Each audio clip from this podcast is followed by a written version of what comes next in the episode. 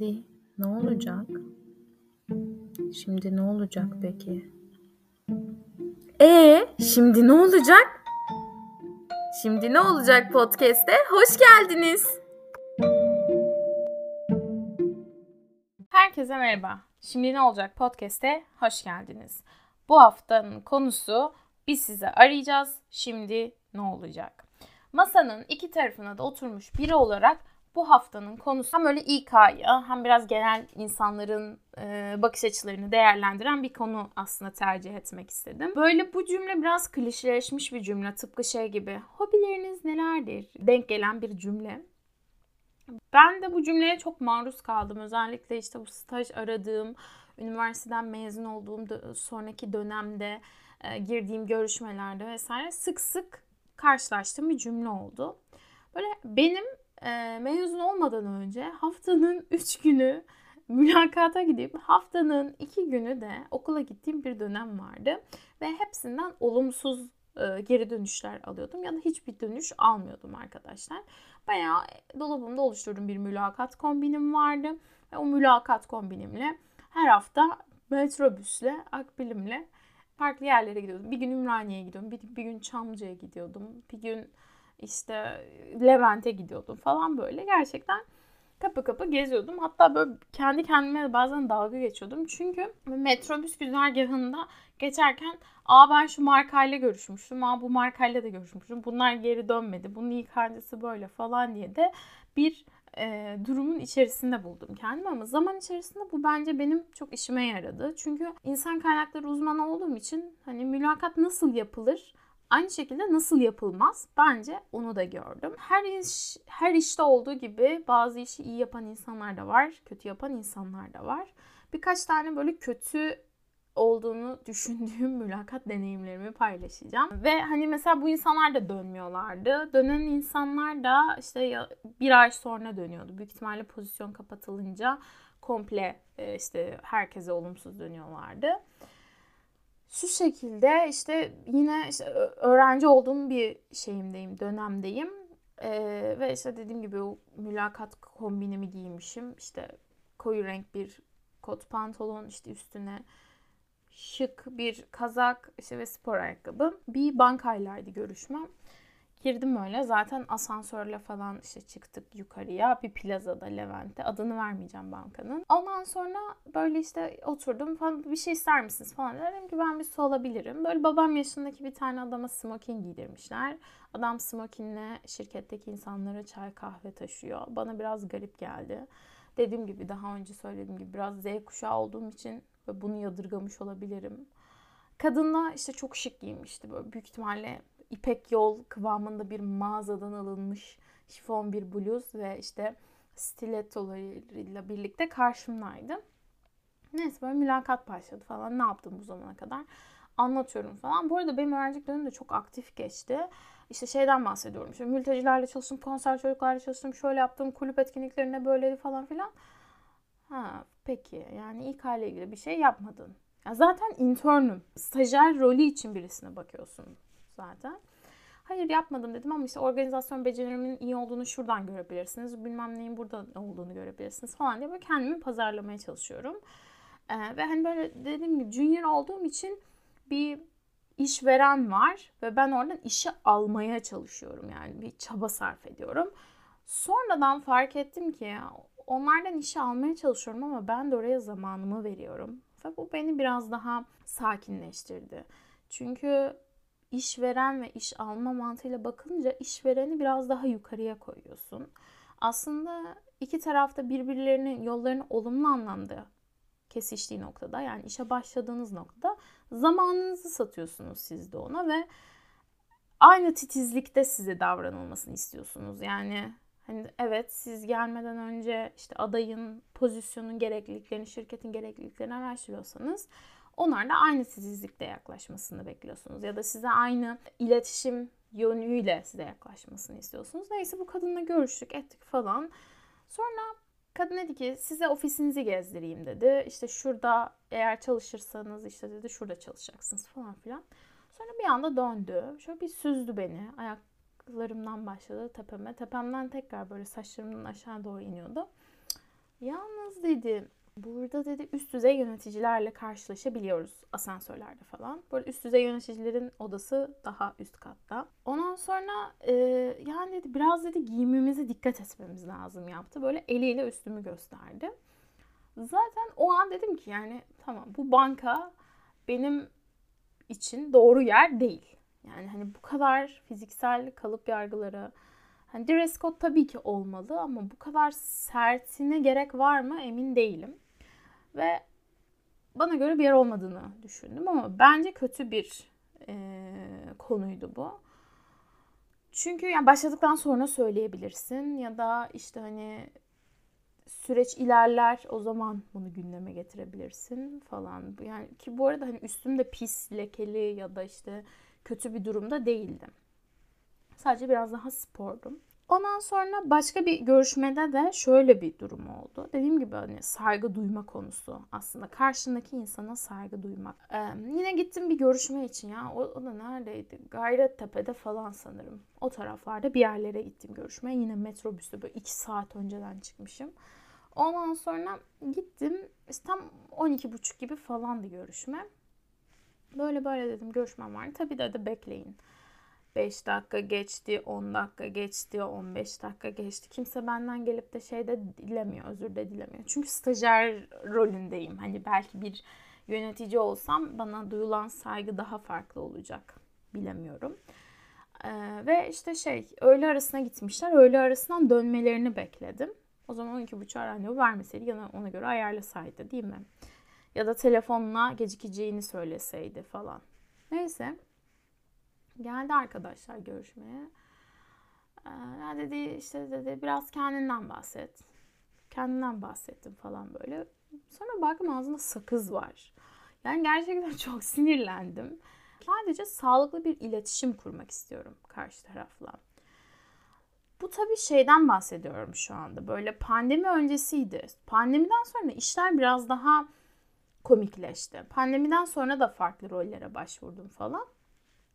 Ve bu sefer orada şöyle bir olay olmaya başladı. Şimdi Teams'ten görüşüyorsunuz, Google Meet'ten görüşüyorsunuz.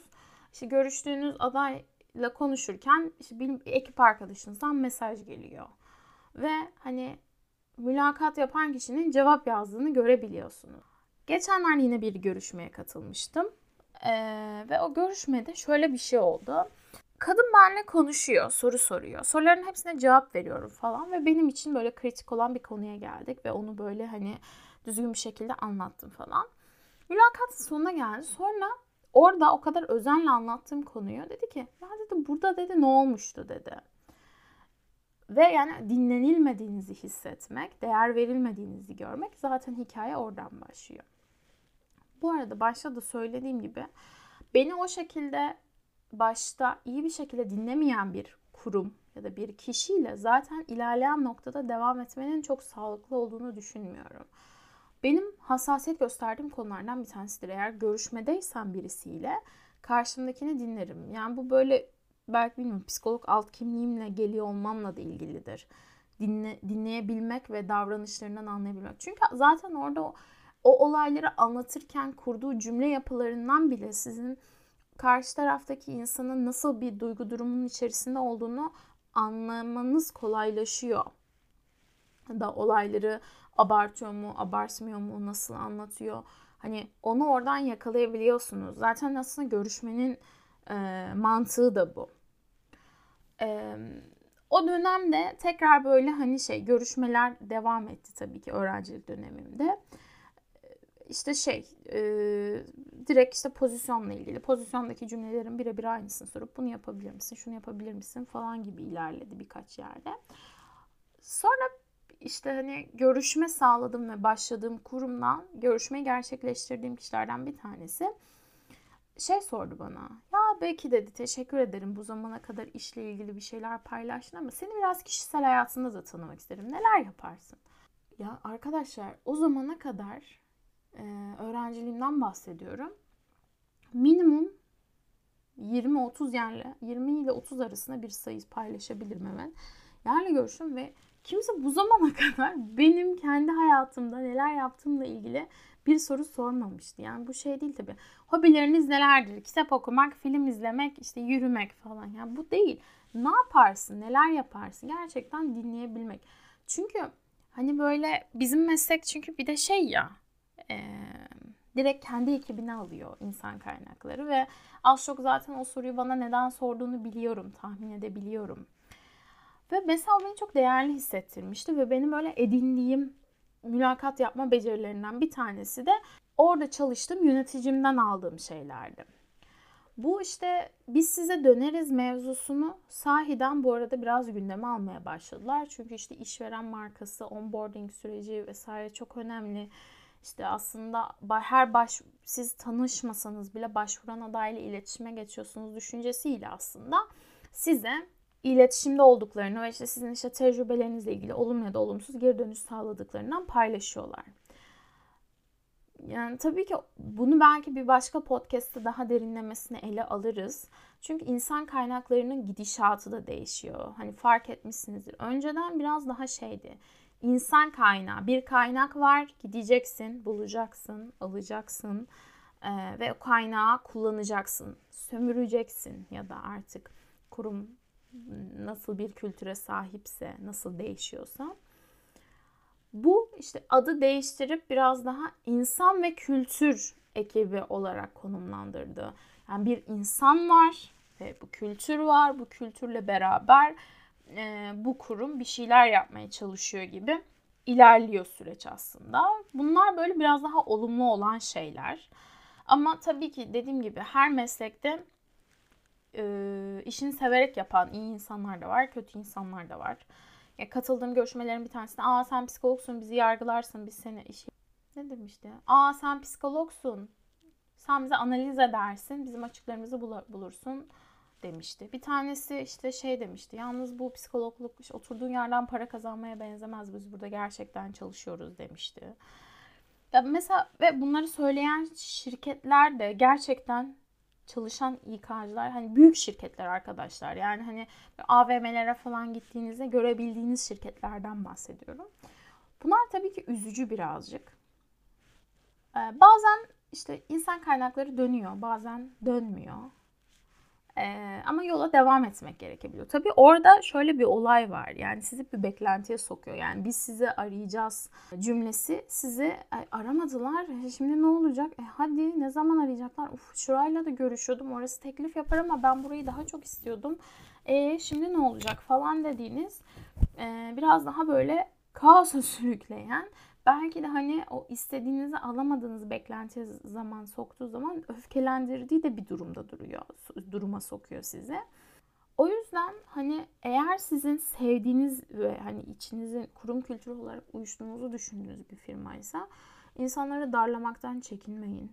Ee, insanlara mesaj atın, LinkedIn'den yazın, stoklayın LinkedIn'den, bağlantı kurun ve Hani böyle böyle bir pozisyon vardı, böyle böyle bir şey vardı. Bununla ilgili ne yaptınız? Bununla ilgili dönebildiniz mi? Bu arada çok da darlamayın. Çünkü arkada onun gıybeti de bazen dönüyor. yani bu aday da ne kadar darladı işte. iki günde bir arıyor süreci soruyor. Yani iki günde bir değil de hani ortalama bir hafta 10 gündür onun süresi. Bir hafta 10 gün içerisinde döner. Çünkü ikinci mülakat varsa onun planlanmasının yapılması gerekir. Eğer dönmediyse işte bir short listesi vardır. O short listeyle iler, ilerletiyordur. Ya istediği adayları bulamamıştır. O short listeyi oluşturamamıştır. O yüzden devam ediyordur. Yönetici görüşmelerine başlamıştır. Test envanterler vardır. Birçok sebep olabilir. Bu arada hani buna da çok kısaca değineyim.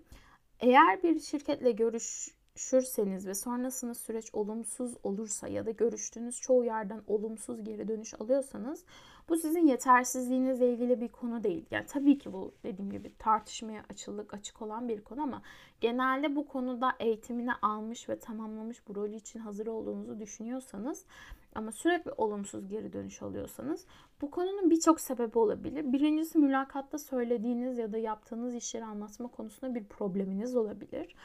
İkincisi rolle ilgili yani arka tarafta sizin bilmediğiniz şeyler olabilir. Yani pozisyon holda alınmış olabilir. E, pozisyonu işte görüşmesini gerçekleştiren kişinin bir sağ hastalığı, sağlıkla ilgili bir problemi olabilir. E, ya da işte ne bileyim o kişi işten ayrılmıştır. İş devrinde sizin bilgileriniz kaynamıştır olabilir. ücret beklentisi noktasında işte hani size yakın olan birisi vardır ama daha düşük ücret söylediği için o tercih edilmiş olabilir. Ee, farklı farklı sebepleri olabilir. O yüzden bu konu böyle size yetersiz hissettirmesin lütfen. E, tabii ki hani hepimizin güçlü yön, güçlü yönleri, gelişime açık yönleri var. Bunları keşfetmek, bunları bilmek çok önemli. O yüzden biz sizi ararız deyip aramıyorlarsa ve sizin aslında e, kurum kültürü olarak sevdiğiniz bir kurumsa o kişilerle iletişime geçmek çok önemli. Zaten çoğu şirket işte mail atıyor. E, kurum işte kurum mailiyle atıyor. Oradan iletişime geçebilirsiniz. LinkedIn'den yazabilirsiniz. E, bir şekilde de geri dönüş sağlayacaklardır diye tahmin ediyorum. En azından hani sizin aklınızdaki merak gitmiş olur. Geçen sene falan sanırım başıma gelmişti sevdiğim e, ve kanımın kaynadığı bir kurumdu. Biraz işte şey yaptım. Dedim ki işte size görüşmek isterim. İşte hani tekrar görüşmüştük ama bir gelişme olmadı mı falan gibi. Biraz bazen karşı tarafı da dürtmek gerekiyor. Onun da size geri dönüşü oluyor tabii ki. Kendinizi hatırlatmış oluyorsunuz. O iş özelinde olmasa bile insan olarak tanıyorsunuz. Sektör zannedildiği kadar büyük değil bence. O yüzden bir şekilde yollarınız o kişiyle tekrar kesişebilir diye tahmin ediyorum. O yüzden hiç canınızı sıkmayın. Sizi aramazlarsa siz arayın. Ee, sadece işveren, iş alan gibi düşünmeyin. Siz de zamanınızı veriyorsunuz ve her İK'cı da iyi bir İK'cı olmayabilir ve sizin sınırlarınıza saygı duymadan saçma sapan sorular sorabilir. Onları da uyarmanız e, konuyla ilgili işte geri bildirim başlığı altında bilgilendirmeniz bence kıymetli. Çünkü benim de başıma geldi dediğim gibi. O yüzden aslında şimdi ne olacak kısmında da eğer biri size biz size ararız dediyse ve aramıyorsa siz arayın. Şimdi ne olacak diye beklemek bazen çözüm olmayabiliyor. Bu haftaki podcastimizin sonuna geldik. Şimdi ne olacak podcast'in bir sonraki bölümünde görüşmek üzere.